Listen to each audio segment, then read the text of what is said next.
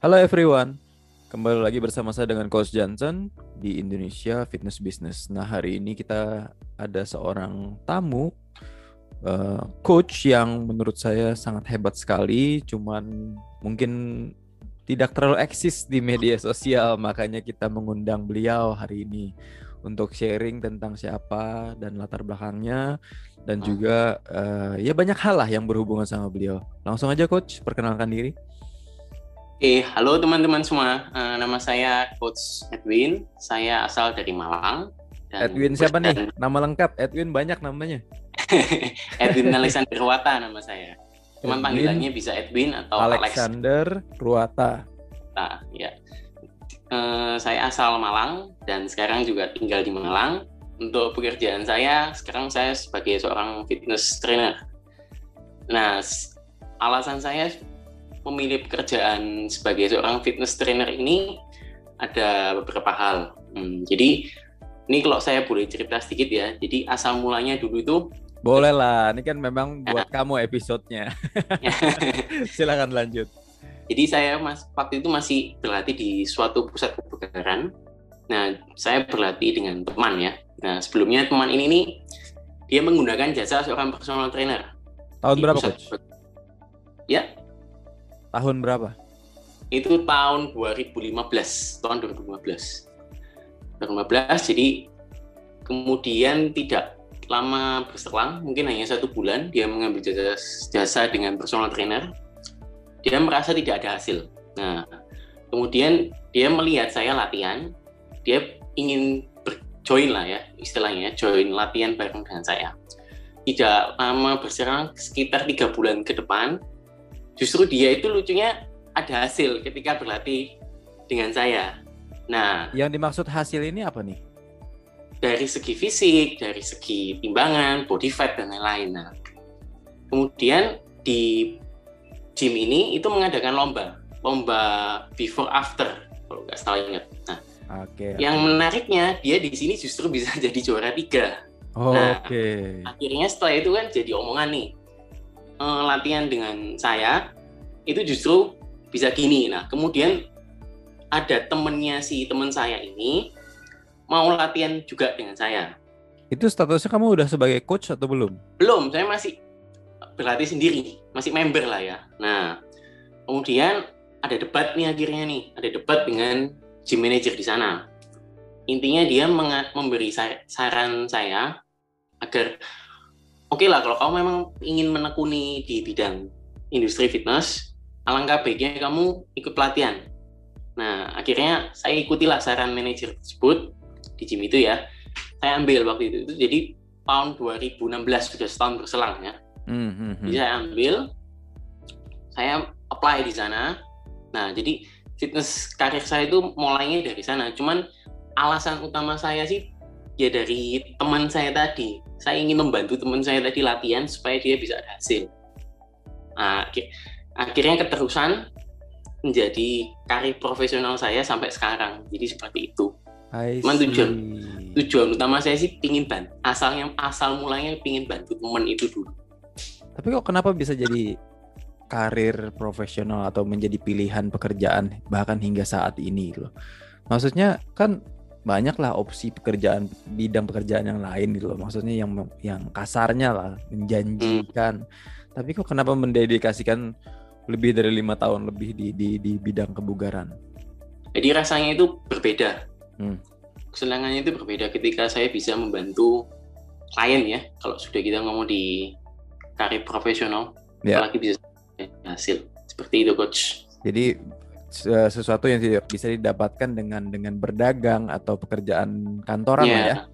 Yeah, the, yeah. the feeling of uh, being helpful atau menjadi bermanfaat untuk hidup orang lain gitu. Oh, that's yeah. very noble. Makanya itu yang membuat kamu hook up atau malah keterusan dengan dengan profesi ini ya. Iya. Yeah. Nah, tapi kan uh, saya juga merasakan itu sih sebenarnya. Tapi kan ada plus minusnya, maksudnya ada up and down-nya. Pernah nggak di saat-saat fase-fase down mungkin pernah mengalami di di profesi ini?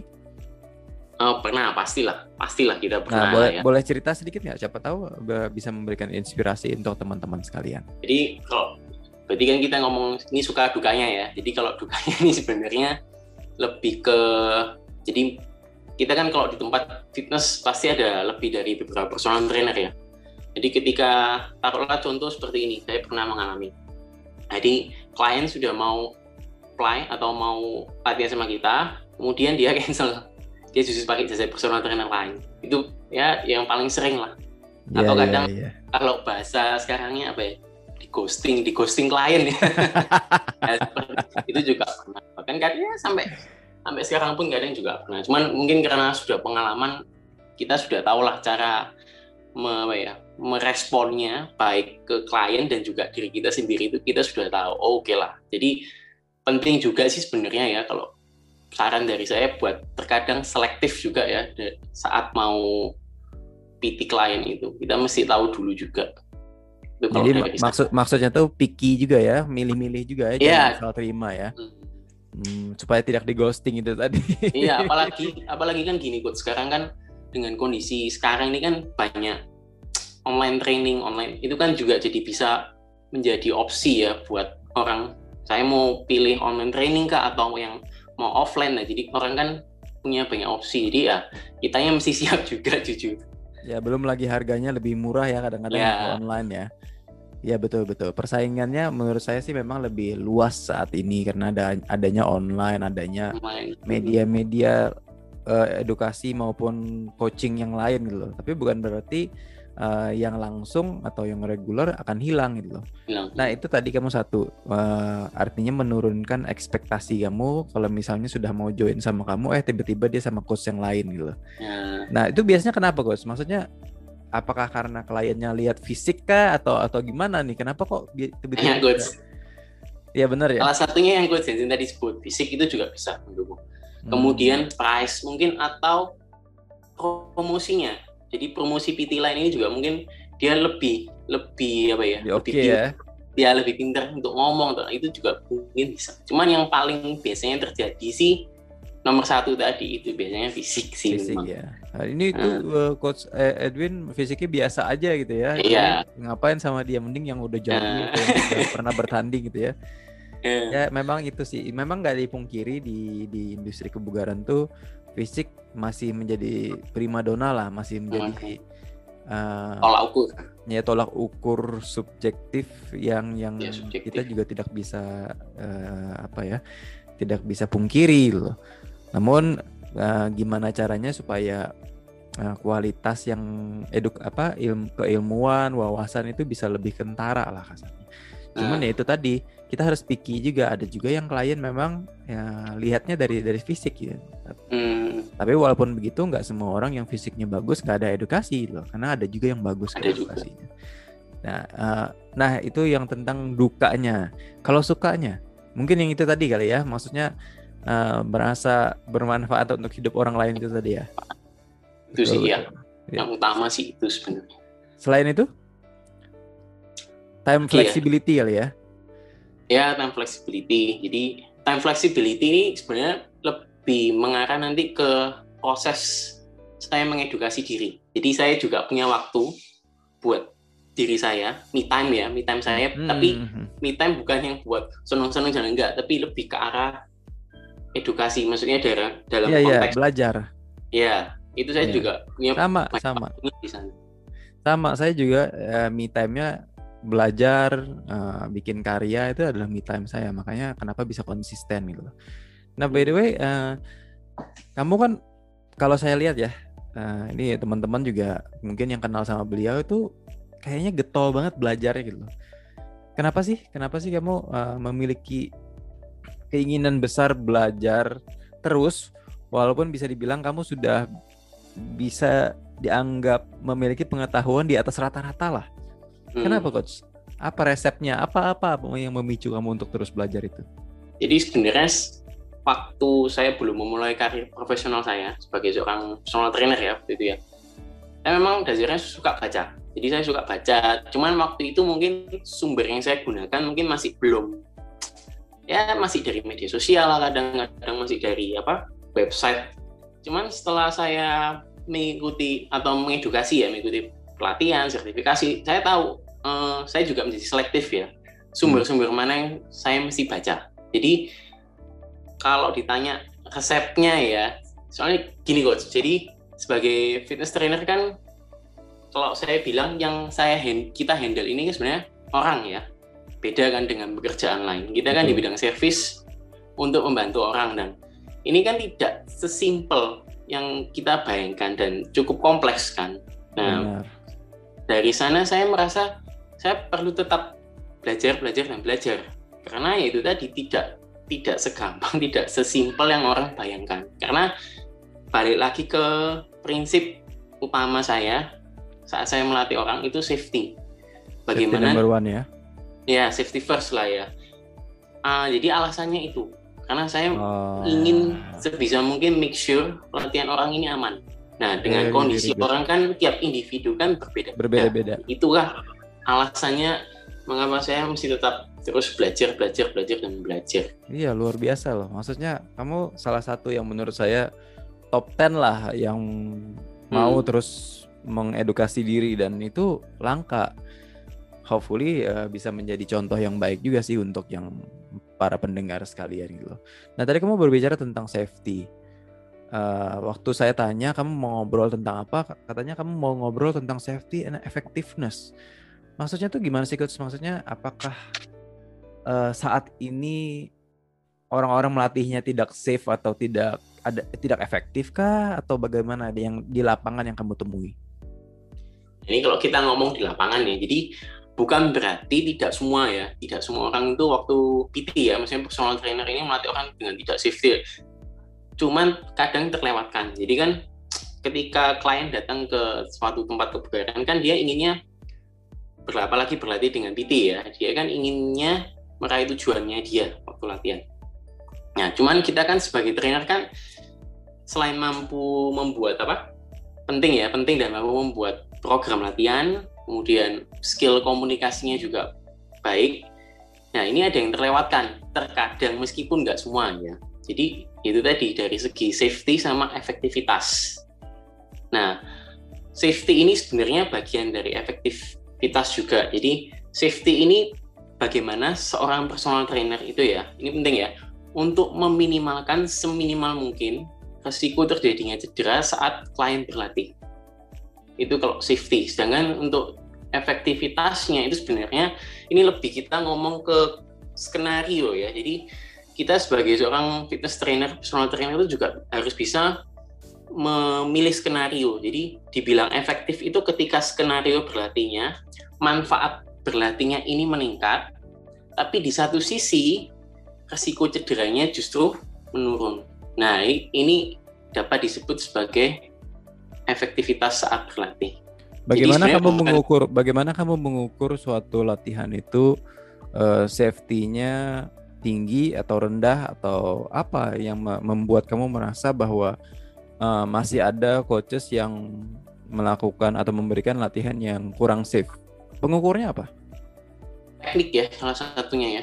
Teknik kemudian kalau kita mau ngomong faktor lain bisa jadi seperti instruksi yang diberikan itu juga pengaruh. Cuman yang nomor satu ini teknik. Nah untuk teknik kan PT ini juga harus paham beberapa hal ya buat make sure teknik yang dia atau teknik orang atau kliennya berlatih ini juga proper ya jadi safety juga efektif jadi seperti itu teknik sih nomor satu coach. Berarti kamu di lapangan sering melihat bahwa banyak coach yang masih melatih dengan teknik yang bisa dibilang cukup buruk gitu. Iya, cuman saya di sini nggak bilang benar atau salah ya. Cuman buruk tadi ini balik lagi ke resiko cederanya lebih tinggi. Jadi seperti itu, coach. Ya, yang saya maksud buruk adalah yang resiko cederanya lebih besar gitu. Ya. Walaupun sebenarnya tidak ada gerakan yang salah, tapi yang lebih beresiko untuk cedera gitu. Dan nah, kamu ya. temui di lapangan banyak yang begitu. Banyak, masih. Ya. I agree with you.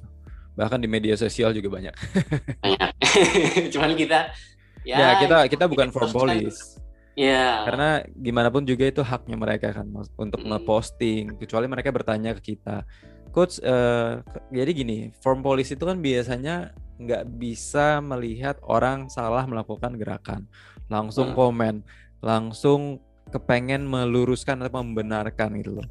Padahal kalau misalnya mereka tidak bertanya ke kita apakah gerakan ini uh, sudah tepat atau belum ya kita tidak memberikan komen gitu. Cuman ya Hmm. kebiasaan orang Indonesia kan suka mencampuri urusan orang lain. Langsung memberikan klaim ya. Mm-mm. Padahal uh, bisa jadi, bisa jadi bukan gerakan yang salah, tapi memang specificity sesuai Ya. dengan kebutuhannya. Contoh gerakan-gerakan balistik yang kelihatannya lebih beresiko itu akan dianggap salah buat orang yang suka dengan proper form. Gitu. Nah, Karena ya. balistik itu kan memang menghan explosiveness, Explosive. menghantam-hantamkan berulang gitu kan. Itu akan terlihat salah gitu. Jadi ada uh, faktor specificity juga yang harus kita perhatikan di lapangan gitu. Dan and I agree with you dan kebanyakan memang yang yang tujuannya untuk bugar atau untuk menaikkan fitness level aja banyak yang improper form juga sih yang terjadi di lapangan. Nah, apa pengukur suatu program latihan atau suatu gerakan itu efektif menurut coach Edwin? balik yang tadi coach ya. Jadi ketika kena eh, manfaat berlatihnya meningkat, manfaatnya berarti tujuan. Tujuan berlatihnya bisa meningkat, bisa maksimal. Cuman di satu sisi itu tadi coach, resiko cederanya menurun. Contoh misal seperti kita latihan bicep curl deh. Bicep curl ya, semua kan tahu ya pasti ya. Kita melakukan di bicep curl dengan proper ya, hanya posisi badan berdiri. Sedangkan yang satu waktu dia bicep curl, dia swing pakai bagian lower back-nya. Itu kan yang contoh yang mungkin sering kita lihat kan. Dibilang kalau kita mau bilang salah ya nggak salah, cuman kan lebih bersiko. Nah, jadi seperti itu. Walaupun yang memperkenalkan gerakan seperti orang eh, seperti itu adalah orang-orang yang cukup dikenal di industri fitness. Ya, Gimana? itu tadi. Kenapa kita perlu belajar? Hmm. Kuncinya di ilmu ya, knowledge ya. Jadi nggak di semuanya knowledge. ditelan mentah-mentah gitu ya? Yes, kita mesti lihat That's dulu very juga. nice. That's very nice. Nah, Coach Edwin eh, tentang effectiveness dan juga safety. Sebenarnya kan di industri kebugaran sendiri yang namanya standar itu masih gray area. Tidak ada Hmm. standar yang cukup jelas lah. Makanya itu yang sedang diperjuangkan oleh APKI juga. Eh, kalau memang misalnya tidak ada standar, kamu kan juga udah belajar di NASM, kamu udah belajar di Rai Institute juga, kamu belajar di APKI juga. Apa itu standar, coach? Oke, jadi standar itu sebenarnya baseline dari suatu gerakan ya. Kalau kita ngomong standar gerakan, itu sih kurang lebih. standar itu tadi suatu standar gerakan apa patokannya bahwa itu sudah men- seseorang sudah melakukan gerakan sesuai standar atau belum apa measurement kamu sebagai contoh aja Kalau dari saya sendiri teknik lagi. Teknik latihannya, cuman ada faktor lain ya mungkin ya, yang mempengaruhi juga. Seperti kayak seperti stability mobility-nya juga, itu pengaruh juga ya. Jadi misal gerakan seperti squat. Kita ngomong squat contoh lah ya. Kalau dia pengaruh dari ankle mobility-nya belum bagus, kemudian ada faktor lain juga itu kan dia belum bisa sampai ke sana memenuhi standar gerakan tersebut. Seperti nah itu. eh, bukan maksud pertanyaan saya itu adalah kan tadi kan kamu sudah mengambil di A B C D lah kasar. Hmm. nah kamu kan pasti menciptakan suatu standar yang mungkin lebih tinggi atau sama rata atau apa eh, Oh. maksudnya tuh ada standar kan apakah standar itu terbentuk dari wawasan yang sudah atau ilmu dan wawasan yang sudah kamu terima hingga tercipta suatu standar atau adakah patokan tertentu yang kamu ikuti itu maksud saya karena kan kita Oh, oke. mencari ukuran standar itu tadi kalau dari saya standar ini berdasarkan wawasan yang saya sudah peroleh. Jadi kalau mau lebih detailnya lagi, eh, attention to detailnya lebih lebih banyak ya. Cuman tetap itu yang penting. Bukan dari acuan dari organisasi kamu kita harus ini enggak. Cuman apa yang perlu diperhatikan ketika kita berlatih itu jadi standar juga. Kalau dari saya ya. jadi kalau orang yang kurang masih yang tidak teredukasi berarti standarnya rendah dong bisa dikatakan begitu berbeda lah ya. Saya bisa ngomong mungkin berbeda lah, berbeda standar. Cuman saya bilangnya sih kenapa standarnya saya mungkin lebih tinggi tujuannya balik lagi buat make sure itu latihan atau gerakannya lebih safety. Tujuannya ke sana, Hmm. coach. Jadi standar kamu tuh adalah bagaimana supaya gerakan itu seaman mungkin gitu ya. Yes, meminimalkan Ya, tadi. misalnya kayak bicep curl ya bicep aja yang kerja gitu loh. Jangan sampai lower back juga kerja gitu maksudnya kan ya. Yes, mem- ya, diminimalkan. Itu Hmm. maksud saya. Jadi eh, standarnya artinya merupakan sesuatu yang subjektif dong. Hmm. Kecuali standar nilainya adalah 70%. Itu kan objektif. Sudah Iya, pasti harus mencapai 70%. Nah, itulah kenapa saya bahas ini eh, buat teman-teman pendengar bahwa sebenarnya di industri kebugaran itu banyak sekali hal-hal subjektif yang di mana standarnya itu sangat beragam. Makanya ada si A percaya yang ini, si B percaya yang ini. Jadi eh, me- untuk mengatakan mereka semua apakah salah atau enggak itu Hmm. bukan menurut saya sih bukan bukan bukan ranah kita ya. Karena our standard is for us gitu loh. Eh, memang untuk diri kita sendiri gitu loh. Kalau kita mengaplikasikan standar kita ke orang lain tentunya akan eh, ini kok gini sih gitu loh. Kenapa saya ngomong begini coach? Karena ini sebagai ba- apa buffer aja gitu loh sebagai sebagai rebuttal bukan saya mau ngebantah kamu bahwa orang tuh tidak memperhatikan safety and and effectiveness karena siapa tahu memang standarnya belum setinggi kamu. Gitu. Iya. ada juga orang yang ya yang penting klien saya kelihatan seperti sudah melakukan squat gitu. Nah, nah kita nggak bisa ngomong juga dia dia eh, salah atau benar karena karena ternyata standar coachnya memang masih rendah gitu loh nah, iya. Nah itu, ini ya, saya juga mengajak teman-teman pendengar berpikir bahwa kadang-kadang uh, inferential atau inferential difference namanya ya, perbedaan knowledge, perbedaan pengalaman dan edukasi itu akan menciptakan suatu gap yang di mana gap itu kita harus sadari. Hmm. Ya, saya sudah ketemu lebih dari 500 coach sepanjang karir saya dan dan sharing ilmu dengan mereka gitu loh. Semuanya memiliki standar yang berbeda, coach. You may Hmm. have higher standard, tapi ada juga yang yang penting dia udah bisa inilah. Yang Hmm. penting udah kayak kelihatan sedang squat gitu loh. Bahkan kalau kalau lunges atau split squatnya cuman turun sedikit aja, itu udah dianggap split squat. Ada juga yang begitu. Cuman sebenarnya kalau yang dari saya pelajarin ya nih dari pelatihan saya yang terakhir saya ikuti RTS ya. Sebenarnya standarnya ini eh, juga dari kliennya juga coach. Kita juga mesti lihat. Seperti yang coach Jensen tadi baru jelaskan dia split squat ya tadi ya. Dia hanya bisa turun sedikit. Itu mungkin jadi standarnya dia. Hmm.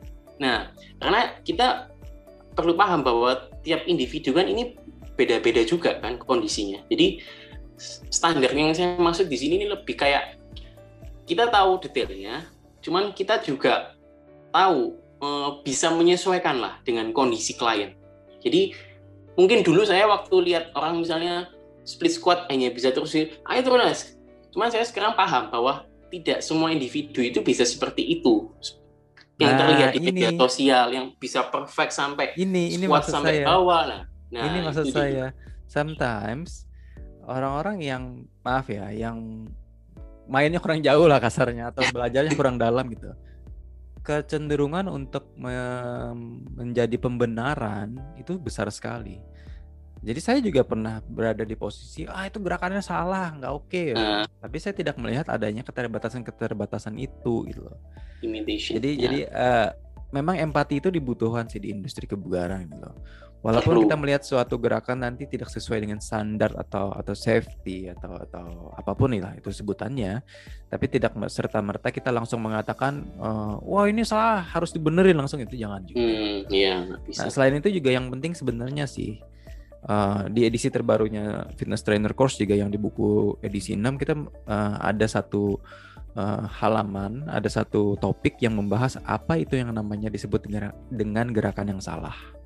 Hmm, Nah, di situ dijelaskan bahwa banyak banget faktor yang mempengaruhinya. Jadi kita nggak bisa ngomong juga gitu. Kecuali kecuali terjadi yang namanya kompensasi gerakan. Nah, itu lain cerita. Kalau kompensasi gerakan kan artinya tidak sesuai dengan yang di- diinginkan lah. Kita mau latihan fokusnya ke bicep kasarnya, tapi kompensasinya ke shoulder yang lebih banyak bantu atau back yang lebih banyak membantu ya itu salah gitu. Tidak sesuai dengan tujuannya. Iya, itu kalau itu bisa dibilang totally eh, wrong lah kalau itu. Cuman maksud saya itu adalah eh, pengukurnya itu apa gitu. Itu kita mesti punya, mesti ada gitu loh. untuk Ada. mengukur suatu gerakan itu apakah safe, tidak, sesuai atau sesuai itu kan mesti mesti ada. Jadi eh, untuk coach yang mendengarkan, alangkah baiknya di saat kita mengatakan salah itu kita bisa mengklaim, bisa membackup apa yang kita sebut dengan gerakan salah itu. Apakah terjadi kompensasi gerakan kah? Apakah memang dia belum mampu kah secara mobility atau kekuatan kan kita nggak tahu. Makanya eh, one video atau one picture itu nggak bisa show everything loh. Nah itu kan yang terjadi di media sosial sebenarnya. Nah itu dia. Makanya kita juga tidak kita hanya dapat per per apa ya per piece bagiannya aja cuma very kita small piece. Ya kita langsung bisa klaim oh ini seharusnya seperti ini kan nggak bisa seperti itu sebenarnya Itu dia. Makanya eh, di dalam episode ini kita angkat effectiveness and and apa tadi? Effectiveness safety itu. safety and Jadi sebenarnya eh, rasa aman itu kan sebenarnya sangat-sangat apa ya? Sangat-sangat subjektif dan tidak ada tidak ada bentuknya, tidak ada cuman rasa kan, rasa aman kan. So rasa aman, keamanan, eh, security, insecurity, all Hmm. feeling. Makanya eh, di industri kebugaran tuh ada istilah art and science. Nah, di sinilah bagian artnya gitu. loh.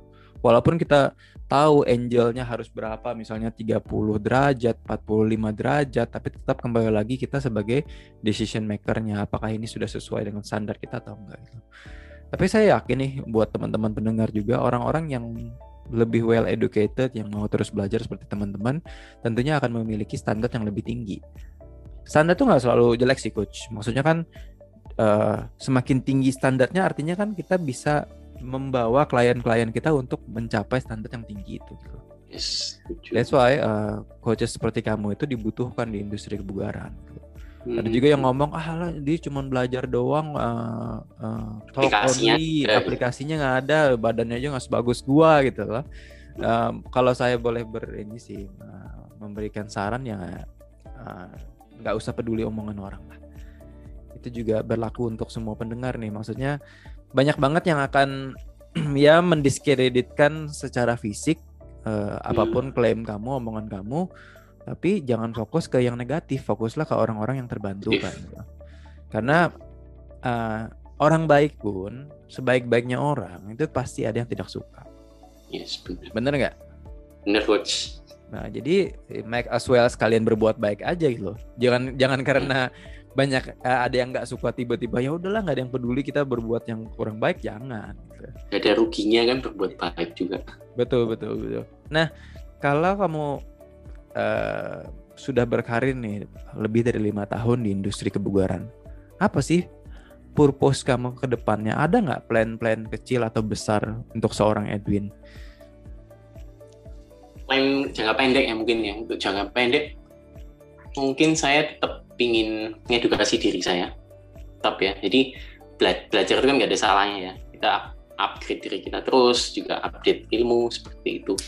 Kalau untuk jangka panjang mungkin saya ingin buka gym sendiri sih mungkin ya kalau memang Amin.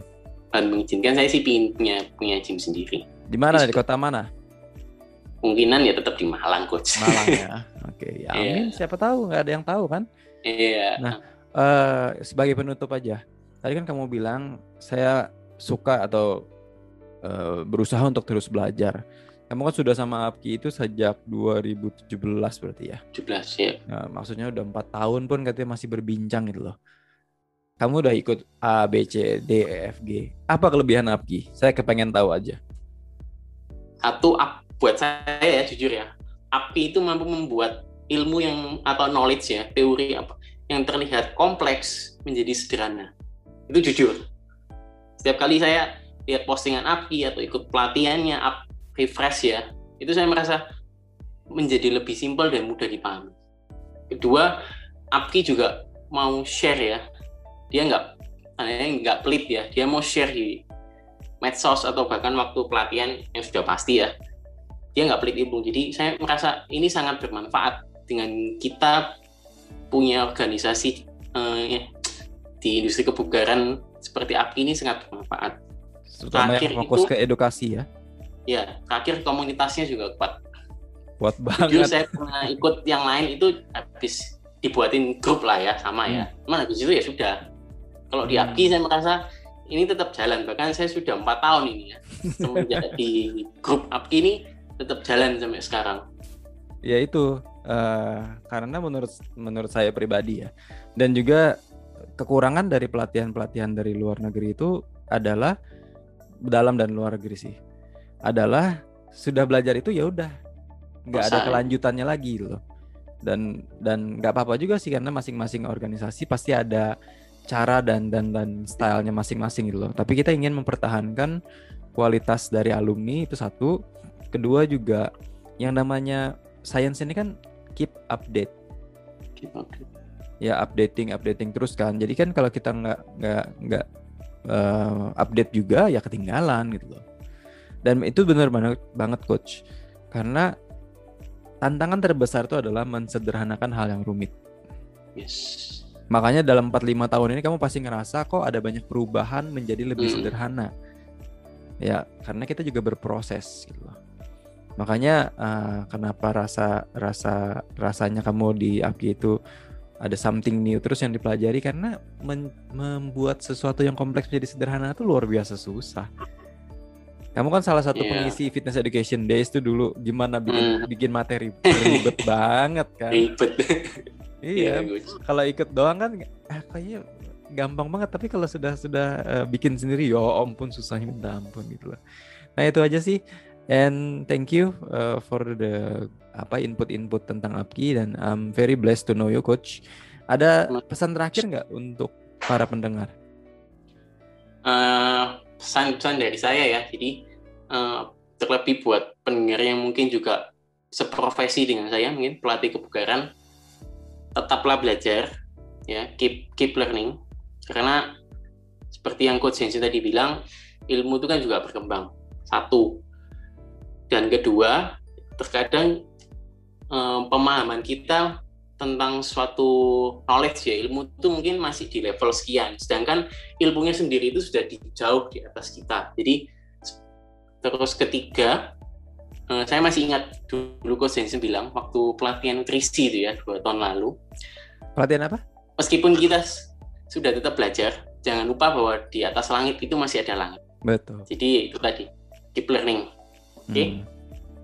artinya kita juga tidak sampai menganggap diri yang paling paham lah, paling tahu. Yes. Mm-hmm. Jadi uh, kalau populernya sekarang itu adalah siap salah kalau orang bilang. Siap salah ya. Ya siap salah. Jadi jadi jangan selalu merasa terbenar lah itu aja sih. Nah kalau dari saya sendiri sih sesi hari ini membukakan mata saya bahwa seseorang yang kasarnya memiliki edukasi di atas rata-rata pun itu masih mau terus belajar teman-teman. Jadi alangkah baiknya uh, hal positif dari Coach Edwin itu bisa dipetik dan diambil lah dan diaplikasikan ke diri sendiri. Karena kembali lagi kalau misalnya kita mau bertahan di industri kebugaran ya kita harus update dengan perkembangan gitu loh. Karena sekarang bukan tentang bagus-bagusan badan lagi gitu loh, tapi bagaimana knowledge yang kita miliki juga itu juga penting. Dan jangan sampai klien lebih pintar daripada coachnya bener nggak? bener itu bener dengan terakhir ya. Banyak Kalau terjadi ya. Dengan akses ke online media sosial internet itu lebih mudah ya sekarang ya untuk industri kebugaran orang di, siapa pun bisa belajar kan bahkan untuk mengambil pelatihan itu kan juga siapa pun bisa jadi ya. jangan sampai kliennya lebih pinter ya ya itu tadi yang Coach Jason bilang oke okay, Coach Coach Edwin terima kasih banyak atas waktunya Uh, mudah-mudahan kita bisa ketemu lagi di episode berikutnya dan untuk semua pendengar terima kasih sudah mendengarkan episode kali ini dan sampai jumpa di lain kesempatan. Thank you Coach Edwin. Sama-sama Coach, terima kasih juga.